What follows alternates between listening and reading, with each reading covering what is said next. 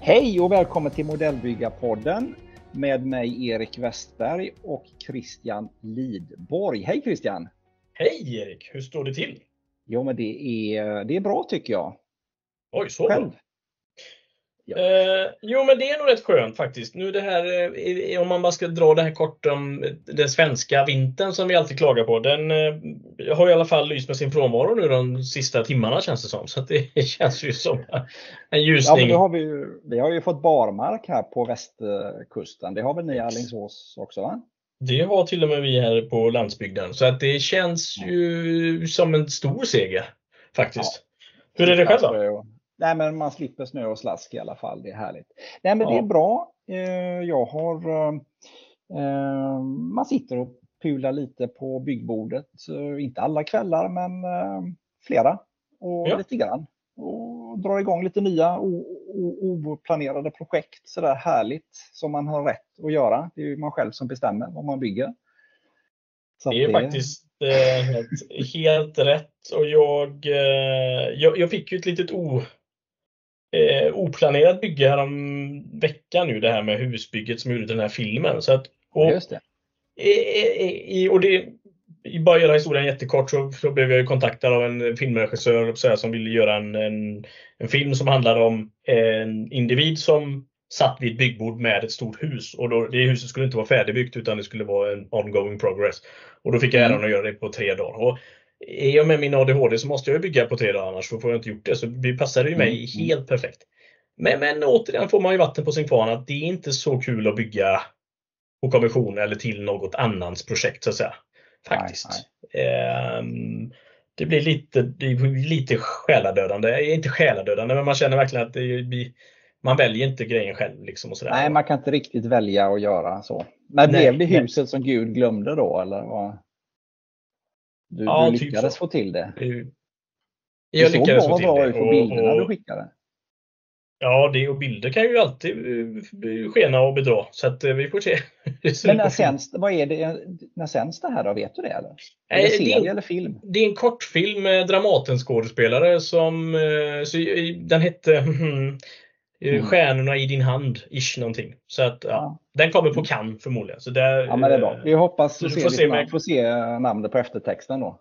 Får gå, jag får gå på röda mattan i Cannes, det är ju det som gäller. Förlåt, nu tog vi alldeles för mycket tid. Vi har ju faktiskt en gäst med oss också, en fantastiskt trevlig människa. Ja, vi har med oss, eller ja, vi ska säga så här.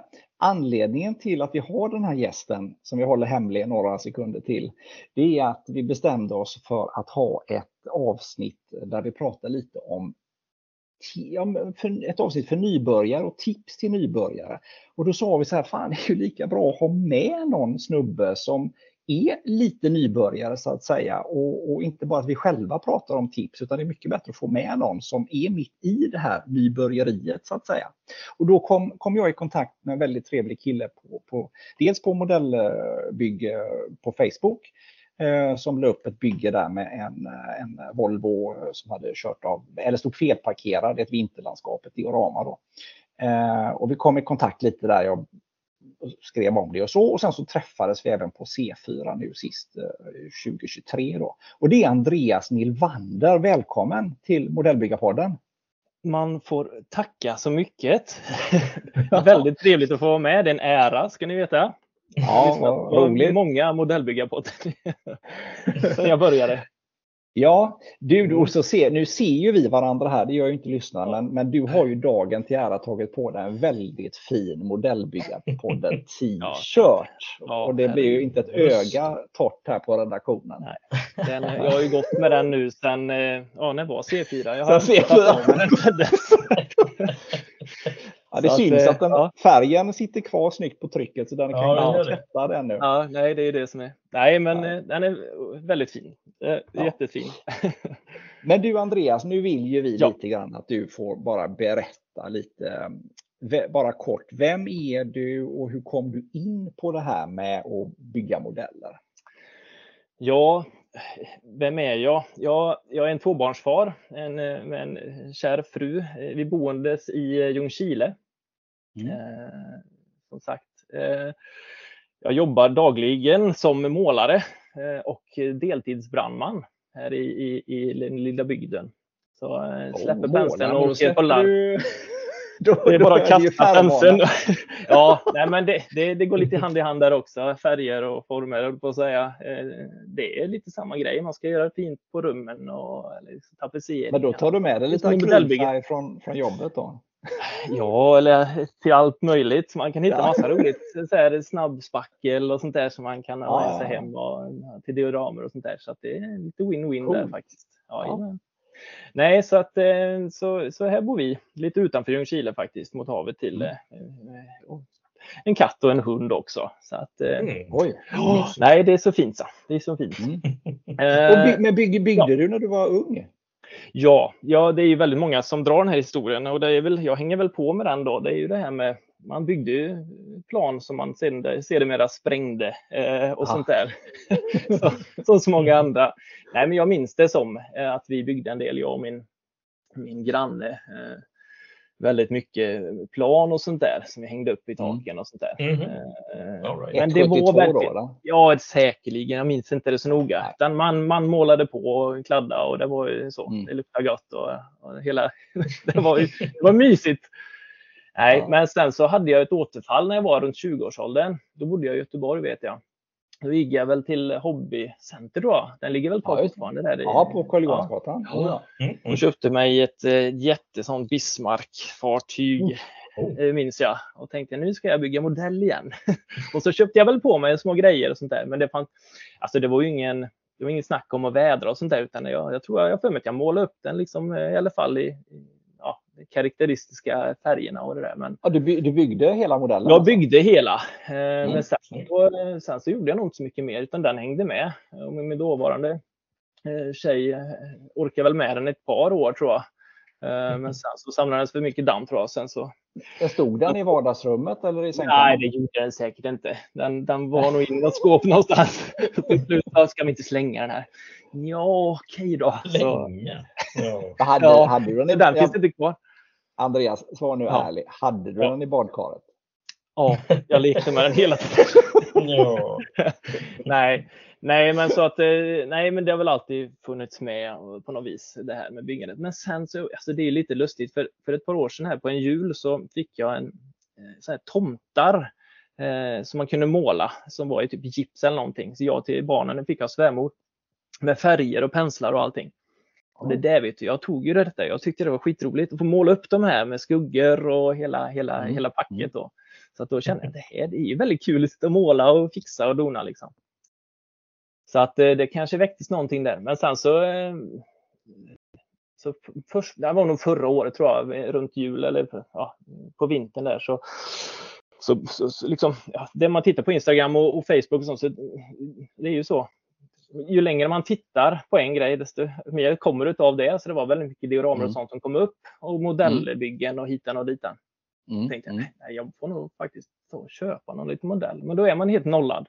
Vad gör mm. man nu för tiden? vad ska man göra? Men jag försöker. Jag köpte en liten ja, pansar eh, två, eller vad kallas de? Eh, mm. Tamiya eh, modell. Och ja, köpte på mig lite grejer till detta, lite färger och lite sånt och så mm. började jag mäckla med det. Jag eh, fick ihop den där någorlunda i alla fall. Eh, så, men ja, på så den du, vägen är det. Ja, det var julen 22? Ja, nej, alltså förra året. Ja, 23? Det är nog, ja, ett år sedan. Jaha. Ja. Alltså 22, 23, ja det blir det ju. Förra, ja, förra vintern. Ja, förra vintern hållit, du har hållit på i ett ganska ett, exakt ett Ja, år. ja precis. Så att jag har väl börjat samla på mig eh, lite grejer under ett års tid. Då. Och i den mm. vevan började jag också lyssna på Modellbyggarpodden och det är ju väldigt käckt när man jobbar som målare. Man kan ju, man kan ju lyssna väldigt mycket på, på podden mm. medan man står och jobbar. Mm. Så jag matar nog igenom det mesta och fick väldigt mycket bra tips och tricks där också. Mm. mm. Uh, ja, blev Men pushad. den utvecklingen du har haft på ett år är ju eh, fantastisk. Vad, vet du ungefär hur mycket du har hunnit bygga? Har du hunnit bygga både, bilar, pansar och allt möjligt eller har du hållit dig till Nej, jag började ju då med, med, med en pansar och sen, eh, sen provade jag ju ett, ett, ett litet 172 Zero-plan, Airfix, den billigaste som jag hittade på leksaksaffären. Tänkte mm. att men flygplan är ju trevligt det också. Men sen, så, sen, kom då, sen var det ett uppehåll under sommaren som jag inte byggde någonting egentligen. Och sen så sen var jag igen då. Tog jag med barnen ner där och då köpte jag ju en Volvo. Den här mm. Vitalides 760, eller 740 eller vad mm.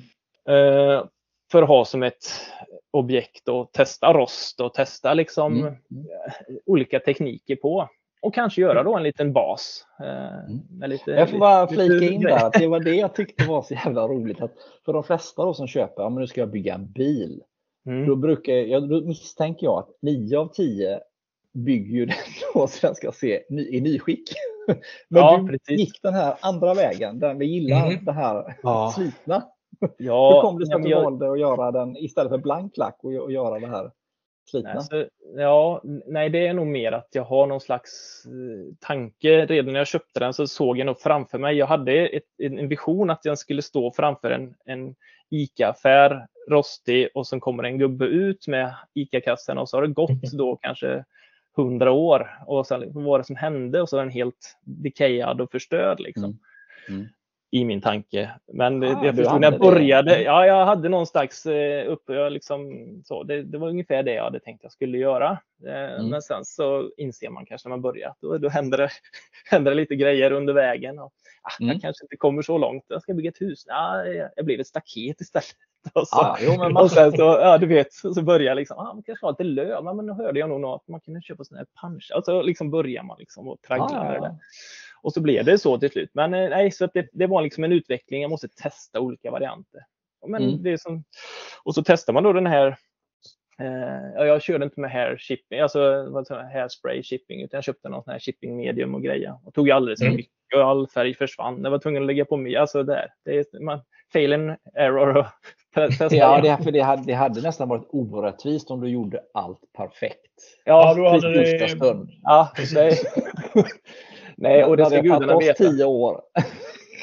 ja, men det, man testar ju mycket. Jag testar ju att göra små burkar i aluminium av kolaburkar och sånt där som jag ligger i bilen, men det är ingen som ser ändå. Jag gjorde någon sån här filt och la i bak bara för att testa olika grejer. Sånt mm. som man hör och ser på, på Facebook mm. eller på, på Youtube och sånt där också. Då. Mm. Eh, så. Men och då, för sen då la du ut bilder på det här på Facebookgruppen ja. och sen så och sen Precis. var du ju på C4. Du var inte på EM ja. eller? Nej, jo, jag var på EM med, med, på EM. med barnen, eller på att säga. Men jag hade ja. inget att ställa ut då, utan eh, jag tänkte. Nej, du, okay, du var där och tittade, men du ställde ja, ut. Ja, jag kunde inte riktigt med att ta med det jag hade gjort. Jag kände, man är som sagt, man är man känner sig lite rädd för att ställa ut saker. Även fast mm. ni sa att ta med grejerna så får ni en t-shirt. Ja, det är väl lite lockande kanske. men men ja, nej, det var bara en kul dag att se allting. Det var väldigt, väldigt ja. intressant. men kände du när du var där, kände du att shit, alltså min nivå är ganska bra ändå, att jag skulle kunna ta med grejer utan att skämmas? Kände du så? Var ärlig. Ja, en liten del kände jag nog att men jag skulle nog klara detta. Sen kände jag nog att shit, alltså det här, de är, alltså, det är väldigt, väldigt detaljeringen och färgsättning. Alltså det är väldigt, väldigt snyggt och vi är väldigt, väldigt sporrade av det. Alltså jag tyckte det, det, det, var, ja. det var imponerande. Mm. Eh, men jag, jag kände nog inte att jag skulle nog inte kunna komma dit, utan jag känner att jag kommer nog komma dit till slut. Mm. för, mm. för det, så länge man ligger i liksom och, och kör på så tror jag.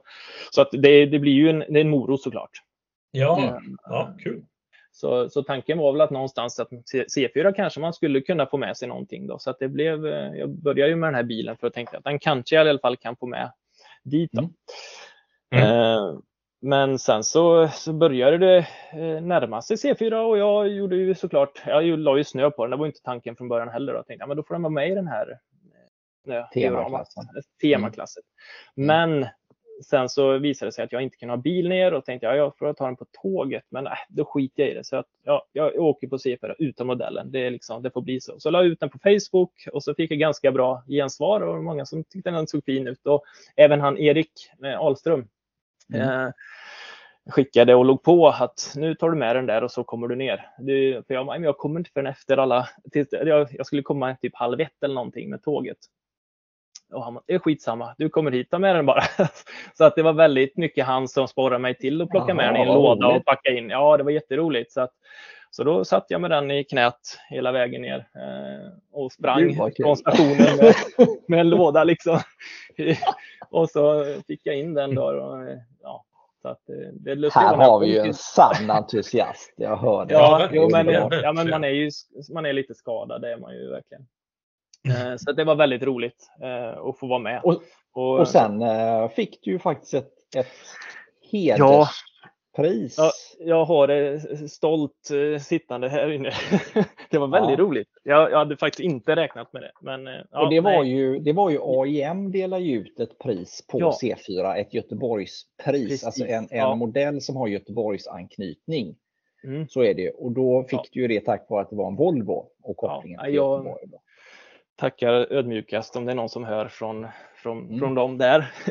så att, ja, det var eh, roligt, för jag, ja, jag, det är inte så ofta man ser eh, Volvo-bilar så på ut, utställningarna. Tycker jag. Nej, nej, den, nej, det kan jag inte svara för, men den, den, kanske inte, den hade gjort sitt bästa innan, eller på att säga. Mm.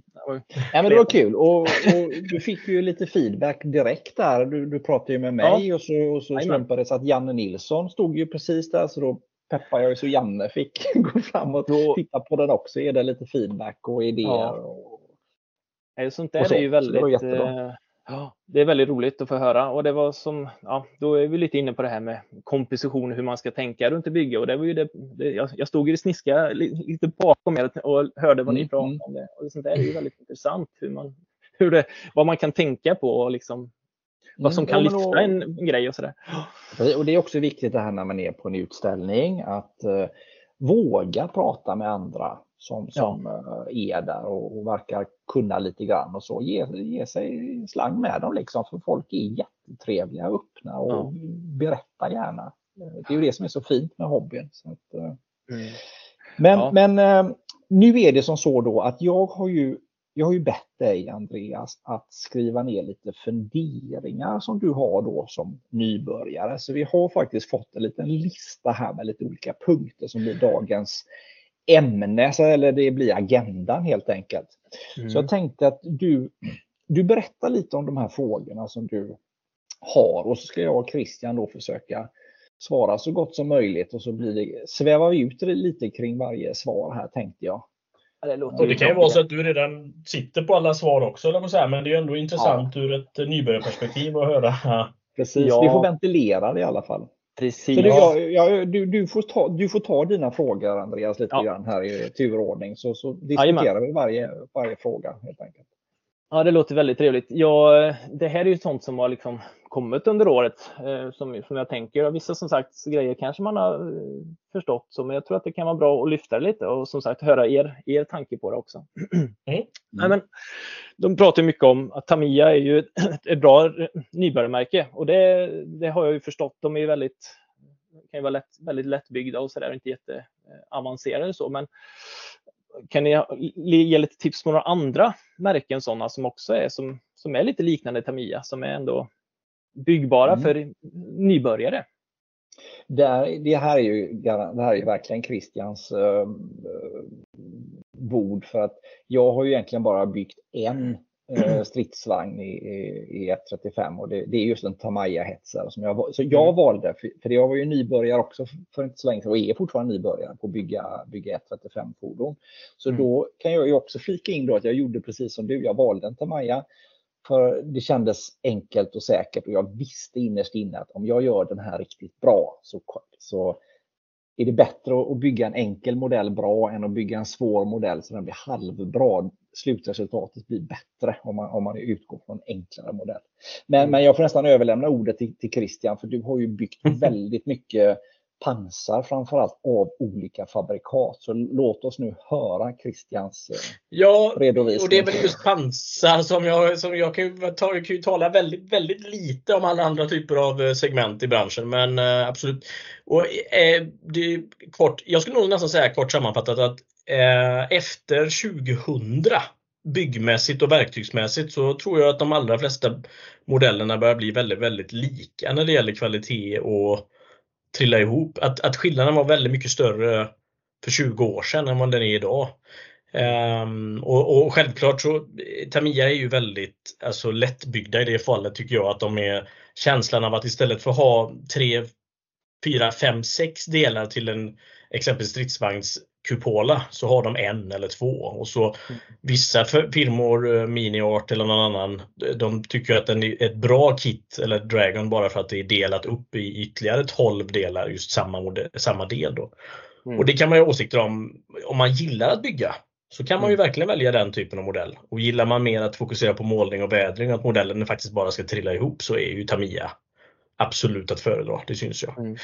Men den sista tiden tycker jag ändå att Meng och Tacom och, och andra firmor som Das Werk och sånt, de har ju absolut kommit ikapp. Och Trumpeter också, även om man då Trumpeter gärna tycker att 2000 delar i varje låda är någonting att eftersträva då, återigen som, som Det gäller ju inte att tröttna då tänker jag.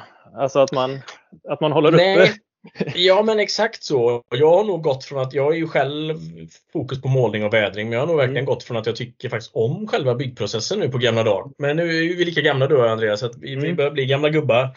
Så, ja. så, det är väl det. Så då njuter jag mer av byggprocessen så att då känner jag att det behöver ja. nödvändigtvis inte vara en Tamiya faktiskt, utan för mig får det gärna vara lite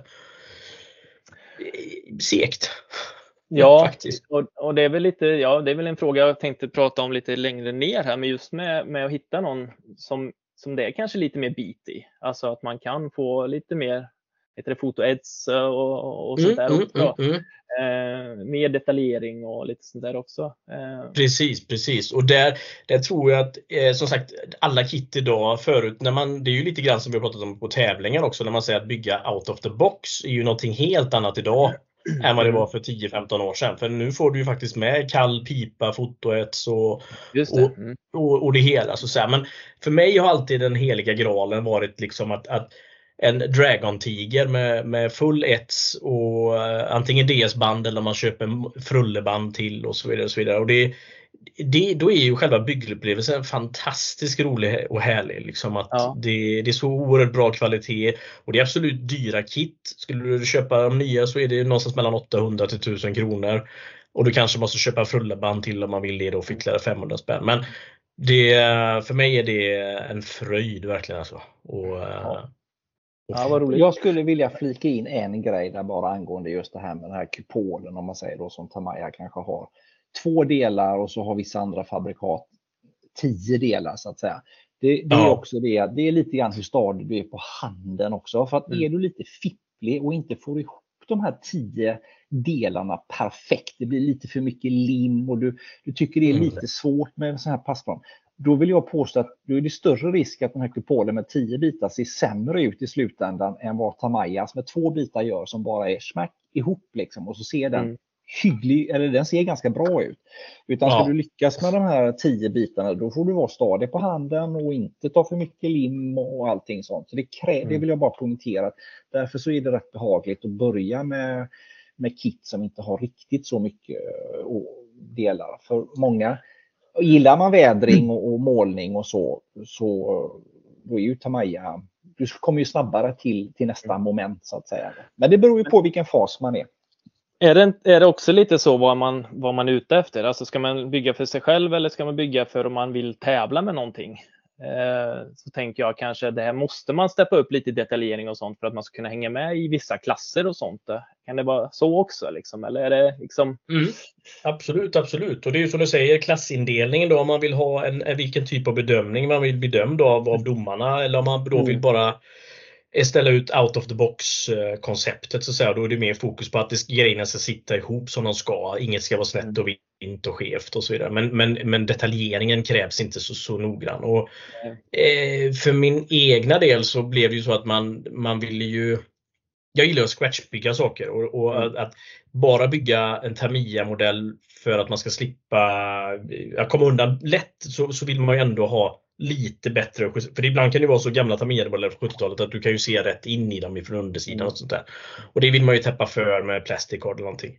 Men jag tror att de allra flesta som har hållit på ett tag kanske bygger lite avancerade byggen och sen så tror jag att de vill ha liksom nollställa sig lite med ett enkelt Tamiya-bygge. Att man vill liksom nu tar jag ett roligt och ett enkelt och snabbt bygge bara för att liksom, ja, komma ner på läge noll igen på något sätt och sen mm. ta avancerade saker. Mm. Så, mm. Ehm, men jag mm. tror att du har helt rätt där med fokus på tävling och så vidare. Vill man bara bygga för sig själv så ja, då får man ju verkligen hitta det som är, känns skitkul för en själv bara. Ja, mm. ja verkligen. Ja, men om, man, om vi sammanfattar, sammanfattar första frågan här lite grann då, med, då kan vi konstatera det att Tamaya är ju outstanding när det gäller enkelhet, passform. Det är svårt att misslyckas. Det är roligt att, att bygga liksom. Det blir inte så mycket svordomar. Men sen är det som Christian säger att de här andra kitten, köper du ett kit som är 10 år eller nyare så är kvaliteten ganska eh, lika.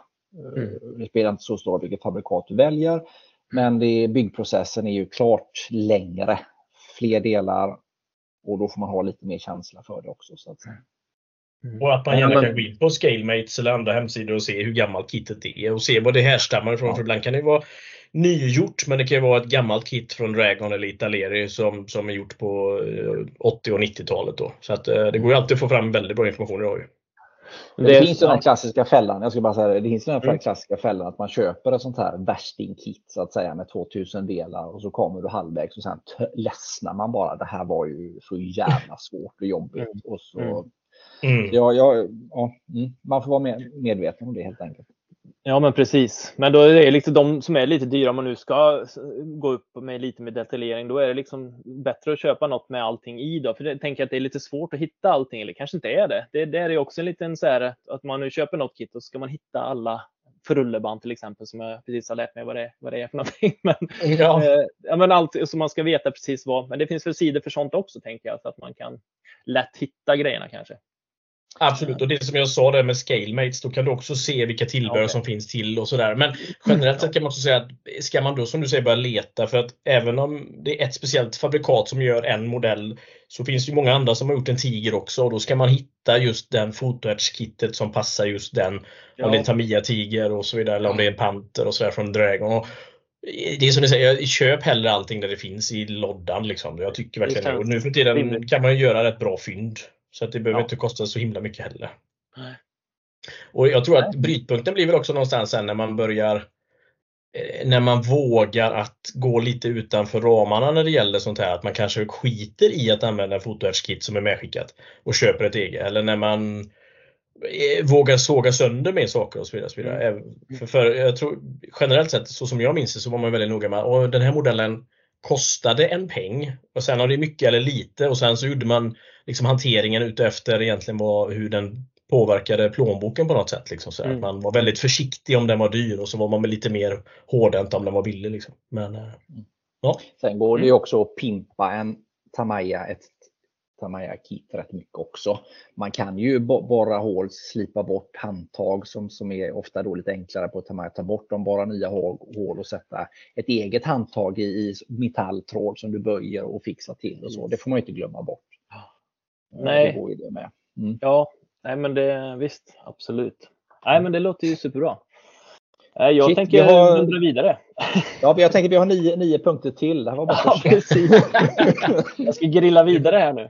Nej, men, eh, då vill jag ha lite tips på nybörjarverktyg och sånt där. Nu har jag ju kört på mig ganska mycket, men jag kände att vissa grejer hade jag nog kunnat kanske gå direkt på en bra tång till exempel. Det är liksom, jag tror jag köpte tre innan jag köpte en riktigt bra. Eh, och sånt där. Nej, men basverktyg, lim, eh, vad tycker ni att man inte ska vara utan från början? Eh, är det något annat man kan liksom, köpa på sig på en gång? Penslar? Eh, ska man ha en drämmel? Ska man ha gräsströare eller vad det heter? Jag vet inte riktigt. Eh, alltså förstår ni vad jag menar? Ja, absolut. Ett, ett baskit. Eh, så. Mm. Det finns hur mycket som helst. Ska du börja Christian? Nej, men jag tänker att du har järnkoll på det. Jag, man... Nej, men jag, jag, kan säga att jag gjorde precis samma grej med tängerna. Jag ja. köpte tre tänger innan jag köpte den här Tamayas eh, tång till slut. Då. Så det, det är väl ett, varför jag inte köpte Tamayas, det var ju för den kostade tre gånger så mycket som, som de andra. Så jag var lite snål i början. Men de här tre tängarna jag avverkat nu, de har ju jag kunde lika gärna köpt en Tamaya med en gång. Så mm, mm. Det är facit. Men det som är viktigt med man ska alltid ha flera tänger. Därför att eh, du får aldrig, aldrig, aldrig använda din dyra fina Tamaya-tång till annat än, än plast. Liksom. Utan du får inte klippa metalltråd eller så. Så man får ha en fultång, en mellantång och så den här fintången så att säga. Så tre tänger får du ha ändå liksom, beroende på vilket ja. material du ska klippa. Då. Så att, Precis. Men, men det, Ja. Nej, men det, och, och sen då du sa det här med Dremel och nu hade jag väl egentligen en Dremel. Jag har ju på lite med mina gamla Vesper och så mycket i garaget och så, så att jag har ju rätt mycket sådana verktyg. Men jag ja. tror jag hade nog köpt, uh, alltså en Dremel är, du måste inte ha en Dremel. Uh, men i vissa moment så underlättar det ju uh, ganska mycket. Ja, ja. Det är grejer som du inte kan göra om du inte har en Dremel så att säga. Det är smidigt. De kostar, oh, nu kommer jag inte ihåg vad de kostar, men är det en tusenlapp eller? Jag, jag vet inte riktigt faktiskt. Nej, men, nej, men precis. Ja, men lite sådana eh, det är inte fel. Specialgrejer. Det är inte fel. Nej, det, det känner jag. Sen det här med gräs, eh, statisk gräs. Ja, just det. Det, det, det, I och med att jag visste från början att jag skulle göra mycket diorama. Jag köpte faktiskt en sån och jag köpte en, en Nors, den kostade 1500 spänn. Men eh, det finns billigare. Men, eh, mm. men en sån är jättecheck. Sen behöver man inte alltid den om man inte bygger så stora dioramer och det, du får inte en sån. Jag menar ströd ut mycket sånt så kan du få en väldigt statisk och ful gräsmatta. Utan du måste ju använda den. Mm. Du kan inte bara, man får ju bara sätta lim på vissa ställen. Så att, ja, man får lära sig att använda verktygen också så att säga. Man ja, precis. att strö ut för mycket. Men man klarar sig utan det. Man kan säga att jag har gjort jättemycket gräs på mina byggen nu sista mm. som där jag helt enkelt bara tar trälim alltså, och så tar jag en, en eh, knippe gräs mellan eh, fingrarna och sätter, mm. ner, sätter ut det och då, då fastnar det ju stående så att säga. Det ska vara lite tjockare gräs eller högre gräs och så. Så det, det är inget jättemåste tycker jag inte, men eh, Nej. det är en ro, rolig sak att ha. Ja, just det testar jag, för det vet jag du pratade om på C4, för då pratade vi lite om det och då så, så testade jag faktiskt att köra med att trycka ner gräset lite så, tuffa till det. Det funkar faktiskt. Ja, det, om det, inte det är klart man ska göra stora områden. Så. Ja.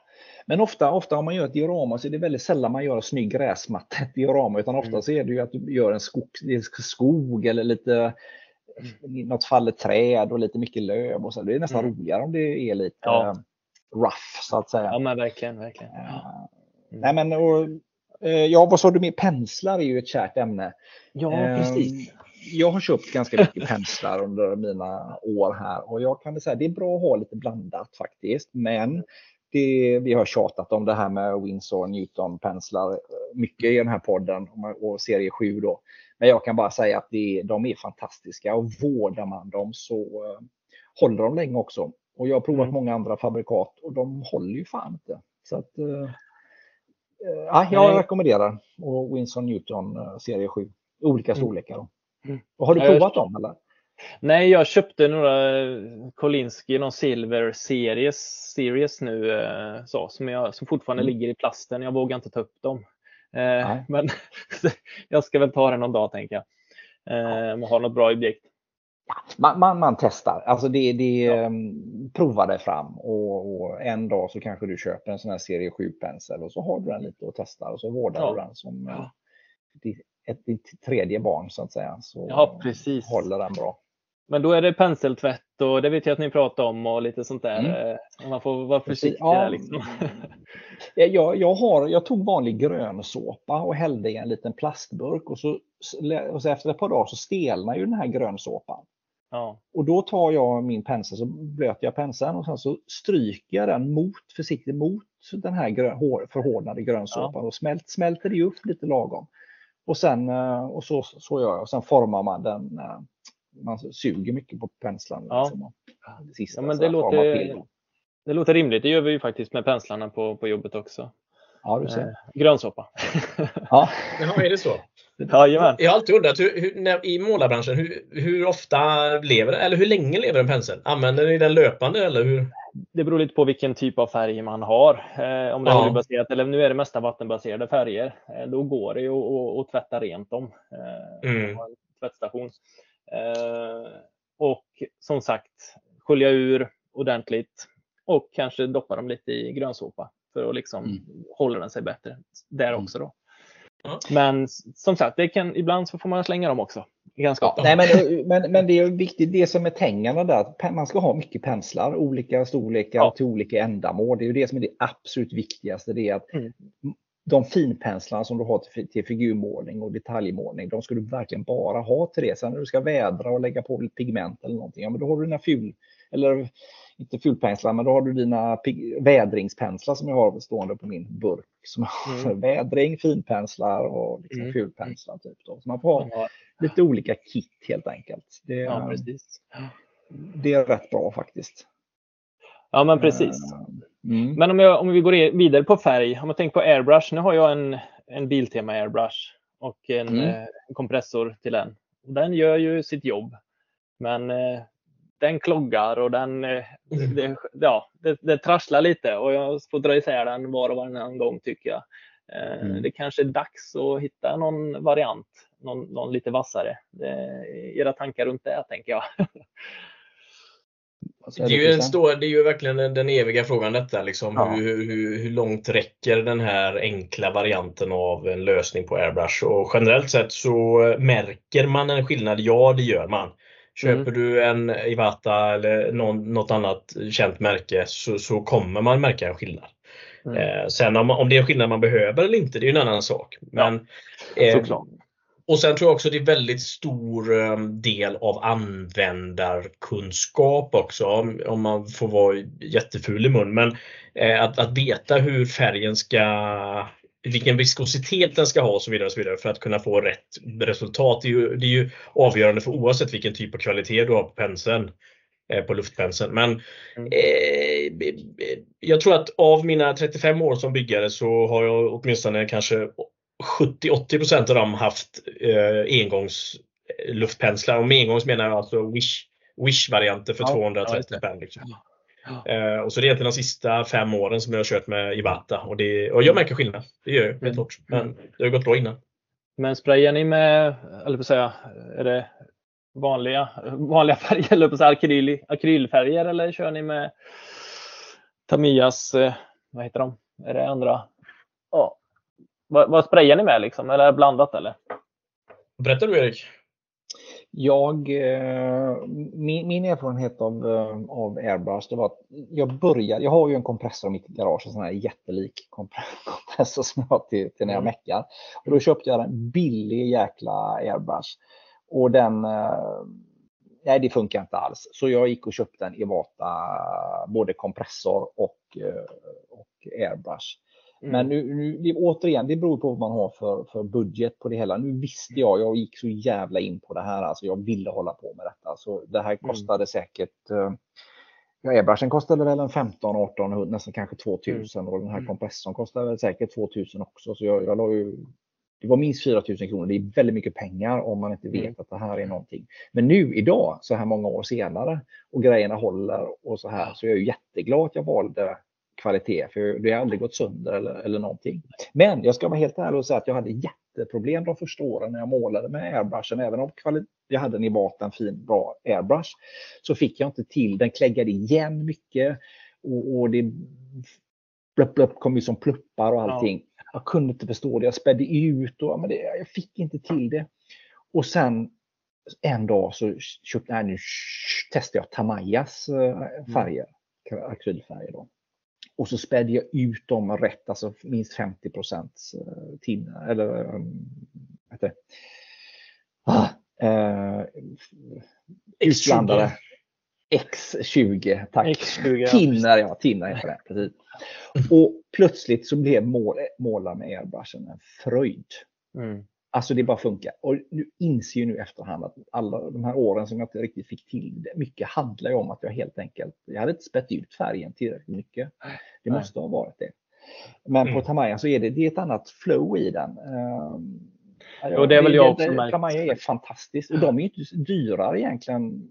Nej. Eller så mycket dyrare de färgerna och det blir ett fantastiskt resultat. Så jag, ska man göra mycket med airbrush så tycker jag det är värt att satsa på lite. Testa Tamaya, den kan prova annat också. Men uh, Ja, nej, men det är väl det. det lilla jag har märkt. Den, den funkar bäst med min Biltema-spruta måste jag säga. Nu, nu fick jag ju i julklapp en liten sprutbox här också. Eller jag önskade mig så snällt av tomten. Jag tänkte att det kan vara bra. Sen om det behövs eller inte, men det känns ganska bra faktiskt. Mm. Uh, då kan man sitta där inne och knula lite. Men, men Christian, du har ju målat väldigt mycket och så. Hur, hur upplever du Tamayas färger jämfört med, med alla spanska? Eh, jag har ju till 99% av tiden har jag alltid arbetat med spanska akrylfärger i 17 ml flaskor. Och det är ju för att jag tycker om eh, flexibiliteten i det. Det är snabbt, man kan blanda alla märken i princip och så vidare. Och jag kan göra min egna tinner till den och sådär. Men vill jag ha en fantastisk yta um, så, så, så, är det Tamiya som, som gäller. Välutspädd. Och tips till de som är där ute och som, det är som du sa Erik, där, att eh, generellt sett så spär man ju alldeles för lite. Alltså är det mm. klogg så är, har du spätt för lite. Så det är den mm. enkla lösningen. Så att, har man då ett litet eh, snapsglas, ett transparent snapsglas man kan köpa på eh, ÖoB eller någonting så mm. blanda färgen där i. Ta den lite på kanten, lite sidan och sen när du häller ner den igen då ska det rinna liksom av som mjölk. Liksom. Det ska vara den viskositeten och ser du då att färgen sitter kvar på väggen men, men rinner bort som mjölk så har du rätt viskositet. Men börjar den långsamt glida ner eller den rinner bort för snabbt eller den fäster inte på plasten, då är det för mycket eller för lite. Så att mm. Mjölk är lösningen. Mjölkviskositet. Mm. Liksom. Sen är det ju lite grann det att, att, de spanska färgerna, de har du ju till allting annat du målar, när du målar med pensel. För du kan ju inte använda Tamaya-färgerna till penselmålning egentligen. Det är de inte till för. De är gjord för airbrush alltså. Så att uh, man får ju ha både och i de lägena. Mm det är testa sig fram också. Mm. Testa, mm. testa, Ja, precis. För det är lite det jag skulle säga att med färger, att det finns så mycket idag så att det är ju ingen idé att köpa en Nej. serie. Att man köper Scale 75 eller man köper eh, Tamiya eller Vallejo MIG eller någonting. Utan köp hellre två, tre av varje. Uh, mm. Svart och vitt och någonting och testa sig fram. Liksom. För det är nog bättre. Och, vissa saker, och, och det kan ju vara så även att vissa färger täcker ju bättre utifrån vad det är för fabrikat och vad det är för färg. Alltså gul eller svart eller så vidare. Så vidare. Så att, och eh, av någon konstig anledning så får alla olika resultat fast med samma märke också. Det säger ju en hel del om att eh, det handlar nog mer om användaren än vad det handlar om färgen egentligen. Så att eh, kan vara det testa sig. Ja. Spännande. Ja. Eh, men nu, och då kan vi egentligen börja prata. Jag tänkte lite med det här med figurer och sånt där. Det är ju någonting som jag inte har kommit igång med, som jag har intresse av och börja måla. Och det, mm. Jag har inte riktigt vågat mig på. Jag har tagit steget från bara bygga en modell till att sätta på små duvor på mitt senaste projekt. Eh, ja, just det. det nästa steg får ju bli någon slags människa kanske. Men det är, ju, det är lite läskigt fortfarande det här med ansikten och måla figurer. Men det blir nästa katt steg. är ju en personlig favorit tycker jag, att gå däremellan. Katt, duva, ja. katt, människa. Det är den ordningen. Då blir det katt. Jag såg någon bild på Facebook med någon katt med något eh, bälte med massa verktyg och grejer. Så. En sån army cat oh. tror jag. Ja, coolt. Den såg fräck ut.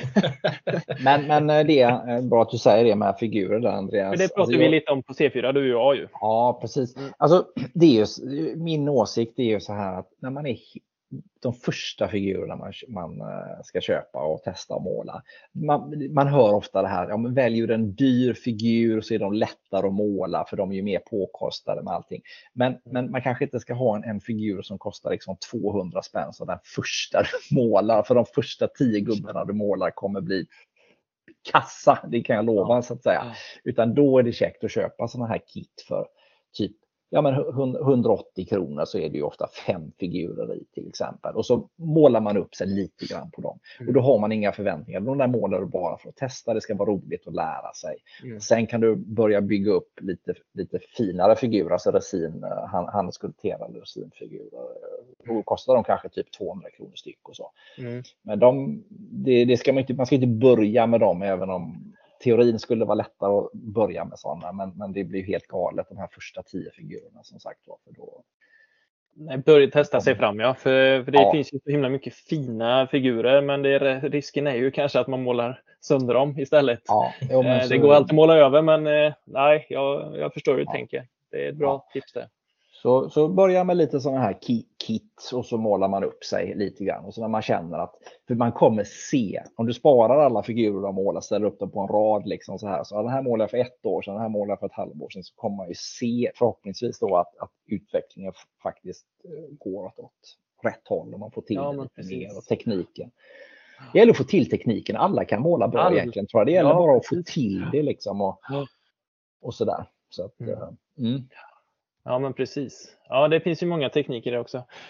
Och en uppsjö med, med hjälp på Youtube också för den delen. Så Mm. att, det finns, Men det är finns svårt mycket bra. också det här med, just jag tänker på det här med ansiktsmålning. I, Ja. Nu är det ju 1.35 kanske då som vi pratar mest om här.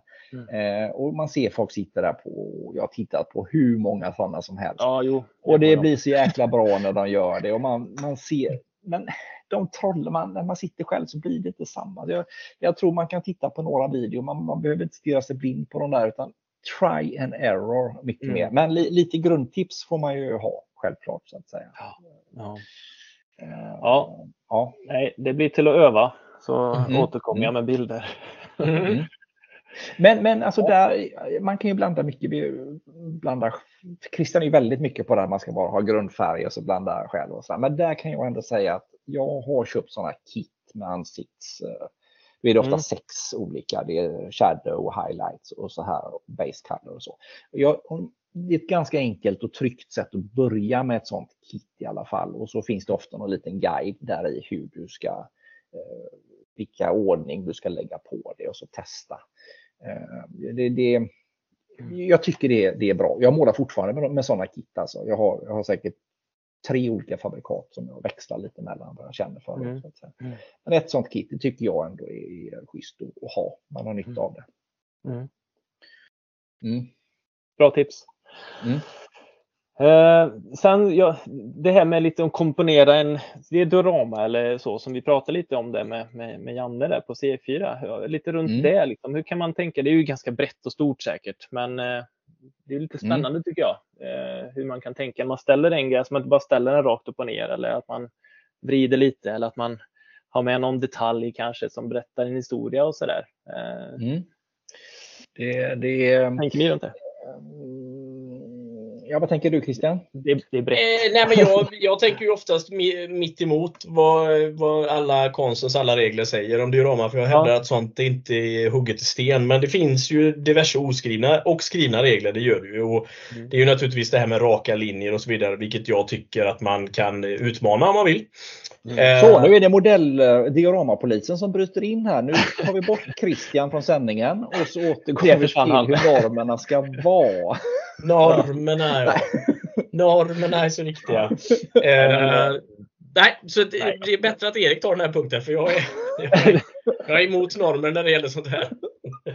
Ja, men Christian är lite, han gillar att gå mot strömmen ibland. Inte alltid, men ibland. Eh, Han, han, ehm, han kan sätta upp raka vinklar och, och, och så utan att skämmas. Så det är all heder åt Christian. Det är helt okej alltså. Men om vi nu går på by the book här så är det, finns det ju väldigt många sådana här, inte regler men tips på hur ett bygge blir mer intressant för en, Mm. en, en åskådare eller någon annan, en betraktare helt enkelt. Jag tycker att en, det finns många böcker om diorama. Eh, Men jag tycker en skulle man kunna kosta på sig att köpa, någon av de mest vanliga och kända. Liksom. Jag menar, en sån bok kostar kanske 200 spänn eller någonting. Ja, du ser. Ja, Den är check. titta. Ja, då, då, där får man rätt mycket tips. Eh, så att, ja, Ja. det, alltså man ska inte vara någon jävla dioramapolis. Det, det, men, men det blir faktiskt så här att ska man utvecklas och få byggen som om man vill bygga och, och som faktiskt man, man vill tävla och få hyggliga resultat och så, då, då bör man tänka på lite kompositionen är viktig. Liksom. Att det är mer spännande att snedställa en om du har en, en, en fyrkantig yta du ska bygga ett diorama och ska du ha en väg på den så ska vägen helst inte vara helt parallell med, med ytterkanten. Nej. utan lägga den på snedden istället. Det blir väldigt mycket trevligare för ögat att titta. Ja, nu ser vi Christian, han sitter här och Vickar på huvudet. vi kan, inte, vi kan inte vara som engelska hantverkare här och, och lära ut fel deras lärlingssystem. Liksom. Det, det funkar inte. Vi måste ju säga hur Nej, men det det, blir lite, det blir lite parodiskt för de, de, de, de få jag har gjort nu så har bilen, eller tanken nu då i det här sista fallet, eh, hamnat precis åt samma håll. Snedställd Mm. åt lite åt höger, alltså framifrån sett. Mm. Eh, och det är ju lite skrattretande att det alltid blir så då. Men Mm. alltså det där är ju, jag har ju jag jobbat som kock i 15 år innan eh, Oj. jag började som målare. Ja. Eh, lång historia, jag ska inte dra detta nu. Men, eh, och då Nej. var det också mycket, man komponerar ju sin tallrik. Och då var det också väldigt mycket när man la upp och sånt där. Det, det var ju väldigt spännande i sig. Men istället för att ha tre, eller säga fyra ploppar med eh, någon majonnäs till exempel, så tog man tre. Det blir mycket mer mm. spännande mm. på tallriken med tre eller sex. En fyra. Mm. En fyra, det här fyrkantiga. Ja. Mm. Det kan man också ta med sig lite, kanske bättre med, med tio, elva löv istället för tio mm. löv. Mm. Ja, men vi, du ser till och, med, till och med kockarna har fattat. ja, ja, nej. nej, det är sant. Ja, det, är det, är helt rätt. Och jag tänker att um, det finns naturligtvis vissa saker som man ska tänka på. Det här med att, att fylla fylla liksom den här ytan man använder och så vidare. Och att vart, vart vill man att eh, publiken ska se eller och sådär. Men med, den största och viktigaste för mig har alltid varit vad, vad har hänt eller vad är på väg att hända? Liksom att det är det som gör ett diorama för mig. Annars är det mer en vignett där det blir en ögonblicksbild. Att det står en farbror bredvid en bil och dricker te i Nordafrika. Mm. Liksom. Och det, då, då, är det för mig en vignett och det inte hänt någonting eller kommer inte hända någonting. Så, eh, storyn har ju lika stor vikt tycker jag som kompositionen av ett diorama. Mm. Så. Eh, det ska ju vara intressant ja, att, att, att, titta på. Mm. Man vill ju fängslas liksom. Ja, det är lite Nej, men jag skulle säga det bara, hitta en knorr på dioramat, något roligt eller spännande eller någonting. Det, då, det är pricken över i så att säga. Mm. Ja, men det är lite så. Detaljerna, det är de jag är ute efter. Jag tycker det är väldigt kul att kanske lägga till någonting som man egentligen måste leta lite efter eller se någonting. Eller mm. är min tanke i alla fall om jag ska göra fram igenom här nu att jag ska försöka. det är kul att få in sådana små, ja det finns väl redan med påskägg och sånt där. Då. Mm. Eh, sånt är lite spännande. Nej, och, och, och, saken är också det att du behöver ju inte ha med figurer för att berätta en historia egentligen. Du skulle ju kunna ta din Volvo som står där övergiven och så mm. pimpa den med små det är en tidning med en löpsedel där det står mm, något precis. på löpsedeln som liksom, eller det ligger en tidning i, i förarsätet som säger någonting. Du kan hitta på en historia utan figurer. Det är det, det är då, då, har man kommit ja. rätt långt när man, när man lyckas med det på ett bra sätt. Alltså. Ja. Det, det är rätt coolt. Ja. Mm. Men nu när jag ändå har det, proffsen här, eh, just med, med tidningar och skyltar och planscher och sånt där. Hur, hur gör ni sånt? För det har inte jag riktigt. Eh, skriver ni ut och behandlar ni på något speciellt sätt? Eller kan man? Vi har gjort en del sånt Christian. Mm, ja absolut, absolut. Och jag eh, skyltmässigt eh, till svenska skyltar har jag exempelvis laminerat för att det är lättare att vädra dem efteråt. Eh, mm. Men sen kan man absolut skriva ut dem på A4 om man inte vill köpa. Jag är ju väldigt emot att köpa för att jag tycker att man kan göra det mesta själv. Liksom. Mm. Och då brukar jag dra någon lack över på enklaste sätt också för att få det mer stabilt. Eller limma fast det på på uh, plastic card så att säga mm. och så arbeta med det efteråt. Men laminering är faktiskt rätt underskattat. Jag tycker att det funkar bra faktiskt. Det måste jag säga. Om man har tillgång till lamineringsmaskin då, det kanske man inte ja, har. det har jag inte, så det får jag skriva upp här nu då. Men vadå, vad menar du med att laminera? Alltså då får du en blank. Alltså vad, vad menar du med att laminera Christian? Du får utveckla det lite. Ja men precis, då skriver jag ut den i färg eh, och sen så drar jag laminering på det som du säger så får man en blank yta och då kan man ju arbeta med den hur man vill sen. Eh, alltså tona ner den, eh, matta ner den med, med ja, ja. du gör det för du, precis. Ja, mm. ja, ja precis. Den, mm. Och det är väl också en sån här grej som jag tycker eh, generellt sett så gör modellbyggare idag när de är lite så på gränsen och inte kun, alltså du vet, ja, när man har kanske en större behov av och utvecklas. Så ibland känns det som att man gör alla stridsvagnar matta men du kan ibland ha nästan en liten blank nyans på figurerna och i själva verket är det ju naturligtvis helt tvärtom då på riktigt. Så att, eh, en, en stridsvagn kan absolut ha en, en blank lack. Liksom. Eh, och det, tittar du på vagnar idag så kan det finnas en liten blank även om, om det inte ska vara så. Men, eh, så det gäller att hitta sin eh, nisch där, tänker jag. Mm. Och, eh, och, bara tänka att det här är verkligt eller det är overkligt och så ja, får man utgå från det. Mm. Ja. Det beror lite på vad, här, jag tänker på det här med dekaler och sånt. Jag har gjort, gjort en del eh, vad som ska föreställa vara affischer som, som ska vara klistrade på en vägg till exempel. Och då, mm. Jag har lite sådana köpeprodukter men, men faktiskt flera av dem jag använt sista tiden, de har jag skrivit ut. Jag har hittat ett objekt på, på internet och så dratt ner det i rätt skala, printat ut det på färgskrivare men då är lite poängen som jag har kommit fram till, det är att när du skriver ut det på sån här 80 grams vitt mm. papper så att säga. Och, så, så. och sen ska du limma fast det på en vägg så sticker ju pappret. Pappret är ju mycket, mycket tjockare då än, än vad det är i skala 1 till 35 eller 1 till 72. Det, det, ser jäkligt, kan se väldigt fel ut. Då mm. har jag gjort så att då har jag lagt eh, pappret eller affischen då som jag skrivit ut upp och ner.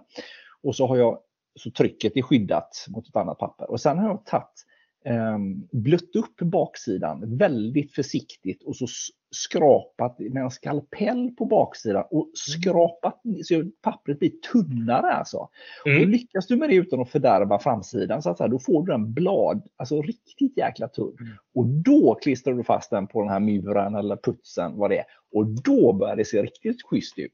För när mm. den är så tunn också, när du väl har limmat på den, då kan du i efterhand då sitta och skrapa bort så det blir lite skrapmärken på den och vädra ner den så att säga. Mm. Det mm. tycker jag är en, en, en, bra tips så att säga om man printar ut själv. Då. Och det gäller ju även om man köper, det finns ju mycket sådana affischer att köpa som är färdigprintade. Och de är ju ofta på ett ganska tjockt papper och då blir det, kan man ju ha precis samma teknik då, att man blöter upp det, skrapar försiktigt så man får affischen eller den här saken att bli tunnare framförallt. För det, allting handlar om att få det skalenligt. Mm. Även tjockleken på ett papper. Då, så att, Mm.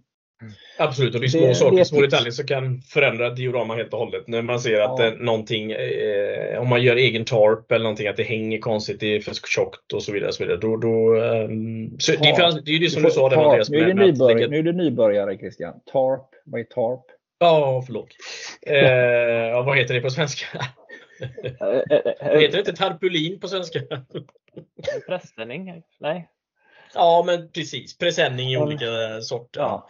Helt rätt. Helt rätt. Ja. Eh, förlåt mig. Men, men, det är lite som, nu har jag tappat tråden här för att Erik eh, Erik skulle vara Erik. Eh, nåväl. nåväl. Ja. Men tiden skenar vänner. Det, det blir svårt ja, för oss att hinna med frågor här. Vi får eh, vi får skynda på skjuta här. lite ja, efter. Jag, jag, mm. tar, jag måste bara få med det här med stash, för det tycker jag är väldigt intressant. Eh, ja. nu ska ni få, hur lång tid tar det för mig att bygga upp en stash där jag inte kommer kunna bygga det på en hel livstid? För just som jag bygger nu så är det jag köper, alltså jag tittar, men nu tittar jag, nu hittar jag den här, nu bygger jag den och så, så går jag vidare så hittar jag nästa. Men kan du inte lova mig? När skenar det iväg? Jag vill veta. Nej men snälla, kan du inte vara den första människan i modellbranschen ja. som faktiskt fortsätter med det. Ja, Köp det du bygger och fan inget mer. Snälla. Kom ihåg detta nu. Ja. ja, men alltså. Det, nu är du oförstörd Andreas. Ja, Tänk på det. Vad, vad, vad sa du? Hur många modeller har du köpt? Hur många modeller har du köpt hittills kontra alltså, vad du har byggt? Okay. Nu ska vi Helt se. Jag har en, två, Eh, jag har byggt alla. Jag håller på med sista nu. Jag har ju hållit på med en Bandai, en ATST. Mm. Mm. Ehm, och, och, när du nej, har byggt det den, blir väl fem då, tror jag. Du har inget obyggt? nej, nej, nej, det finns inte. Utan eh, nu, nu fick oh, jag lite herregud. pengar i, jul, jul, säga, i födelsedagspengar här nu, så nu ska jag hitta någonting igen då. Så, men jag får nog bygga färdig min, min ATST tror jag. Du, du, ja, det, här är, det här är helt, jag blir, jag blir tårögd. Ja, det är unikt detta. Men, det är därför jag säger att du ska behålla den här känslan. Det, ja. För du kommer alltid springa på grejer. Så, oh, men den här har jag velat ha länge. Den var billig, ja. det var ett bra pris och så vidare. Så, eh, vips så har du 200 ja. vagnar eller saker i stashen. Så kommer det säkert bli. Nej, ja, vi, får, vi får väl se här nu då på eh, AIM och C4 och när det börjar samlas på här. Då kan jag försöka återkomma med ja, hur, hur har det gått? Helt, helt ärligt, jag, jag har inte hållit på lika länge som Christian, men jag har ju jag, har, jag köpte väldigt mycket de första åren. Mm. Jag köpte allt jag ville ha, liksom, typ. Men, jag köpte mycket och då visste jag inte vad som var bra och vad som var dåliga kit. Så jag köpte ju tyvärr väldigt mycket som jag idag aldrig kommer bygga för det. Jag har mm. kommit längre i min utveckling så att säga. Mm. Och det är, det, det är därför jag har tjatat om det här tidigare i, i podden här. Alltså gör inte samma misstag. Och du går ju att rädda fortfarande. Du, men när du väl ska köpa något, köp något där du läser du på. Gör inget förhastat impulsköp. Nej. Man kan göra någon gång ibland. Så här. Men, men svaret på din fråga lite grann hur lång tid det tar. Alltså jag kan säga helt ärligt så här, när du, när om du kommer upp i en nivå där du köper, du hinner köpa tio modeller mm. och du bygger klart en och sen köper du liksom tio till och bygger en. Förstår du? Så då, när du har byggt tre och så har du köpt 30, Ja. Ja, men det är ju någonstans där som det går, då är det inte bra. Men kan du hålla det på 1 till 2 eller 1 till 3, då är det ändå helt, eh, ja. helt okej okay, tycker jag. Nej, men lite glimten i ögat så. Det är ju såklart, det är, jag förstår att man samlar på sig. Det är ju roligt. Jo, men det tar ju plats också. Det är det ja. som är det värsta. Ja. Det, Nej, så sen, nu, nu, handlar ju Erik ja. för kanske 5000 spänn i månaden här, så jag tycker mm. att han är den minsta man ska ta tips ifrån här när det gäller ja, att... Precis. Ja. du handlar av sällan skådat slag, mycket, mycket modeller. Så att, uh, ja. Nej, inte så mycket modeller. Det är mest figurer. Nej, men tillbehör och grejer. Ja. Ja. Ja. nej, så illa är det inte. Men, men, nej, nej, det är ju väldigt... fortfarande så att, att ja, men det där det kan jag ha till det dioramat och sen så har jag kanske då 15 olika byggen som finns i min värld så att säga. Så ja, men det kan vara bra att ha till det och sen jag kommer ju aldrig bygga de här 15 projekten för innan. Jag kommer ju komma på 100 till så att säga. Ja. Så att, äh, det, blir, det är lätt att ja. faktiskt bli lite så som en sjukdom. Det, det, så är det bara. Alltså. Det, ja. Nej, det är spännande. Men det gäller väl alla hobbys? Eh, så ja. Så att, Nej, det, det är roligt. Christians, ja. du, du, ser ju dörrarna till han ska garderober där, de bångnar ju ut. Av, det är bara av, modeller. Det är ja, det är bra. Så att, ja. Uh, jo, nej, det är en ja. poäng. Det är en poäng. Ja. Um, ja, men vad, då ska vi se ja. vad vi har betat av här. Um, ja, men airbrush och vi har pratat om eh, utställningar och ja, figurer, skylta planscher. Ja, precis. Ja. Nej, kanske nöjda. Vad, eh, vad hade jag skrivit upp själv? Har, har Erik och Christian några sådana här saker som vi vill ta upp till nybörjare som är liksom lite nybörjarmisstag? Ja, för min del är det ju det här med stashen. Köp inte för mycket i början innan du vet vad det är du eh, vill fokusera på. Köp lite blandat och läs på. Köp sånt som faktiskt är erkänt bra kvalitetsbyggen helt enkelt. Det är mitt tips framförallt. Mm. Jag, jag, alltså, det hade jag med som en punkt också här, men jag lyssnade på någon engelsk eller någon amerikansk podd här nu. Det var någon gammal UF som pratade just om det här att man att det blir lätt att man eh, kanske fastnar i hur andra bygger, att man bygger precis som andra gör. Eh, och det ja, är väl någonting jag märkte också. Alltså den första eh, pansarvagnen jag köpte och gjorde den gick jag av rakt igenom exakt vad han gjorde och sa. och det var ju fine, så jag kunde ju lära mig något, men jag tänkte nog inte utanför boxen någonting där, utan men då fick jag ju en liten modell där. Men det blir kanske lätt att man tittar för mycket på, på hur andra gör. Och, men som sagt, att man börjar mm. tänka lite själv, att man måste inte göra exakt så. Det går faktiskt att göra så här också. Eh, mm. Mm. mm. mm. Eh, ja, men du, du tittar ju väldigt mycket bara. på du tittar ju väldigt mycket på Youtube, Christian. Ja, men det gör jag. Du... Eh, och det gör jag helt klart för rekreation eh, och hjärnvila. Men jag, jag, tänker att tittar man i andra sammanhang, att det är klart att de som Eh, beroende på vad man vill använda hobbyn till. Men tittar du på fotbollsspelare så är det klart att det är inte de som har tittat på alla andra som, som är de mest betalda Nej. fotbollsspelarna idag. Det är ju de som Nej. hittar sina egna vägar och så är det väl med allt, tänker jag, i grund och botten. Ja. Men eh, Sen måste man ju lära sig att krypa innan man kan gå och stå och springa såklart också. Så eh, det är nog väldigt nyttigt att titta på hur andra gör. Ja. Och sen ganska snabbt hittar man väl sin egna nivå och känner att det här passar mig bättre. Eller det, ja det blir väl lite en brytpunkt också när man kanske kollar, köper en tidning eller man kollar på en tävling. Så tänker man så här, shit, ja, det här kan ju jag göra. Jag skulle kunna ja, göra lika bra, slå dem eller och så vidare. Och så vidare. Och då, det är nog då man bara känner att ja, jag kör mitt egna race. Lite som när man blir så gammal som du och jag Andreas, 45, att man inser att det är ingen jävel som behöver säga till oss vad vi ska göra och inte göra.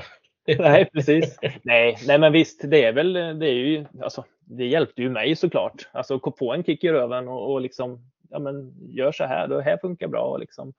Mm. Men det, man blir väldigt, man stirrar sig nästan blind på det. Man vågar liksom inte göra utanför utan backa 10 sekunder. Ja, ska vi se här, han gjorde så här. Ja, just det. Ja, och sen mm. backar vi 30. Ja, men vänta nu, vad hade han för färg där? Ja, men då ska vi skriva upp den för då beställer jag den. Och så, ja. och så fortsätter det så. Men det har vi liksom gått ifrån lite. Det låter lite, jobbigt. Ja, lite jobbigt. så, men så blir man så här, ja, man kanske ska börja tänka lite själv. Ja, det funkar ju. Men tror du inte att du kommer, säg om ett år, jag tror inte att du kommer tänka istället för att backa, så kommer du tänka, varför, varför gjorde han så? Det var ju jävla dumt. Så kommer inte jag göra. Ja, men redan nu kanske jag hade gjort något annat där. eh, Ja, så, ja. eh, valt något annat. Han var, körde nog ganska basics så där. Så att, eh, det var väl det det var där bra. Men det är lite roligt alltså att man, man ska inte snöa in för mycket på det heller. Utan, Nej, nej, Nej. nej, men det är sant. Och det är ju som sagt en hobby som man, där man ska njuta och skoj. Och ja, även om man ska absolut. tävla så ska man ändå ha skoj. Alltså det, Ja. eh, tävling här är ju inte att vi går upp klockan fem på morgonen och sätter oss och bygger två mil. Utan vi, vi, det är fortfarande Nej. en bygghobby liksom. Så att, eh, Verkligen. Ja, det är lite roligt. Ja, och det är, Ja. Ju, det är ju så. Ju- det hjälper ju Facebook väldigt mycket att man kan se andra och komma i kontakt som, som jag kom, kom i kontakt med er eller vad som liksom. Att man, Mm. eh, så, för det, liksom, det är just att komma ut också som, som byggare. Det är ju, det är ju någonting. Eh, jag har liksom inte, jag försöker förklara för min gamla far på att säga att ja, vad, är det, vad var det du gjorde sa du? Byggde du? Ja, mo- modeller. Jag började bygga modeller.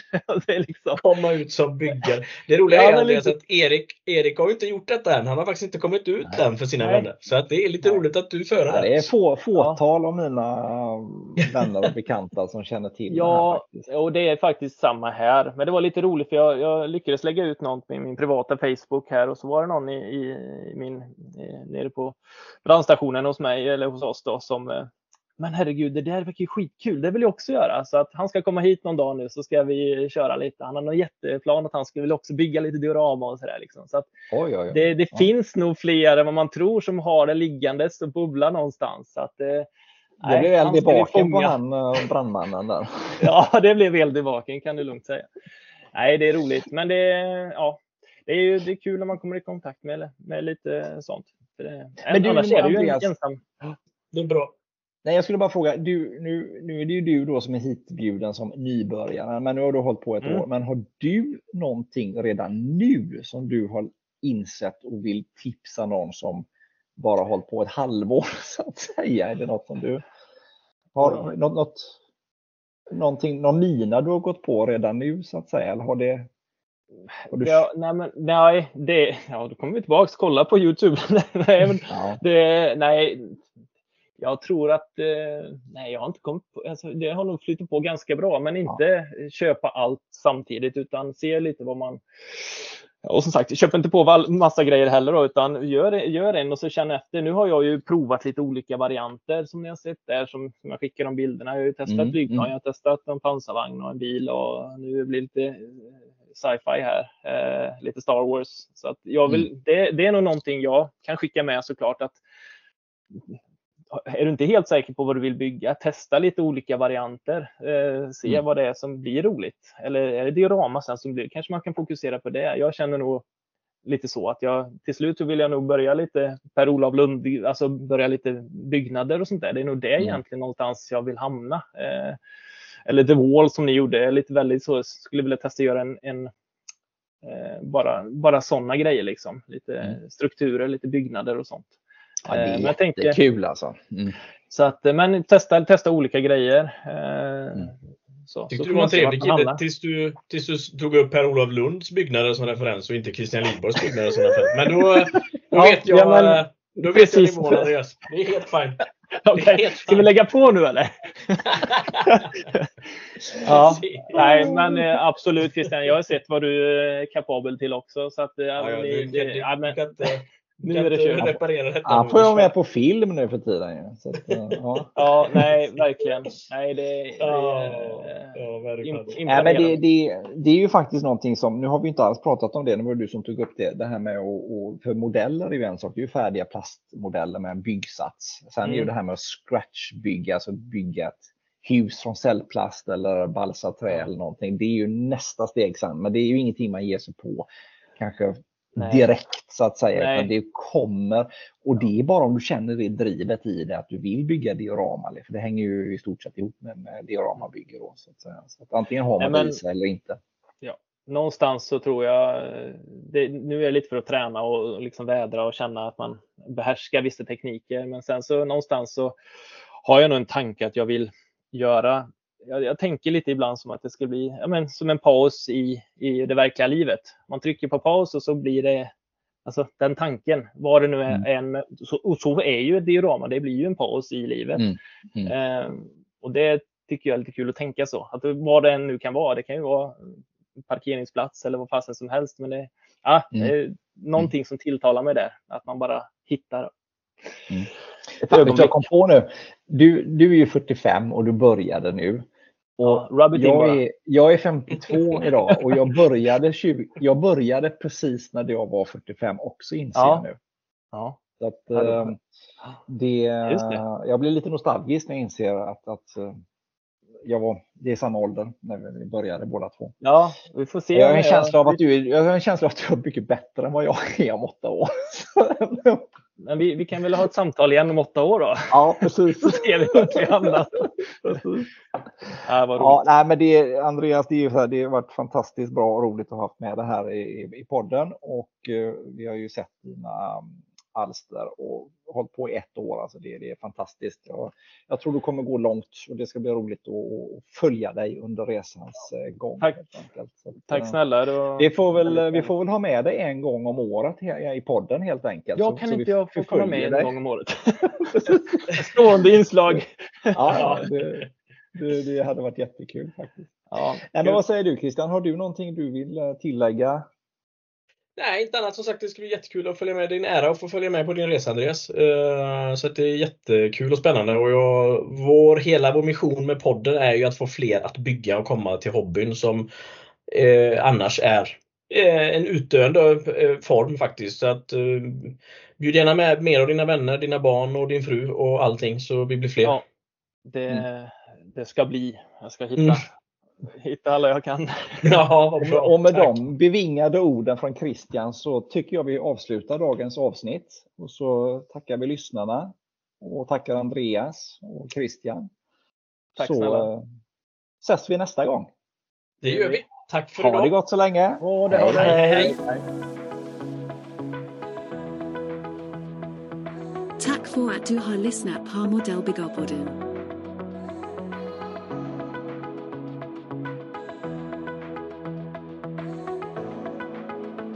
Mod, mod, mod, mod, modellbyggerpodden.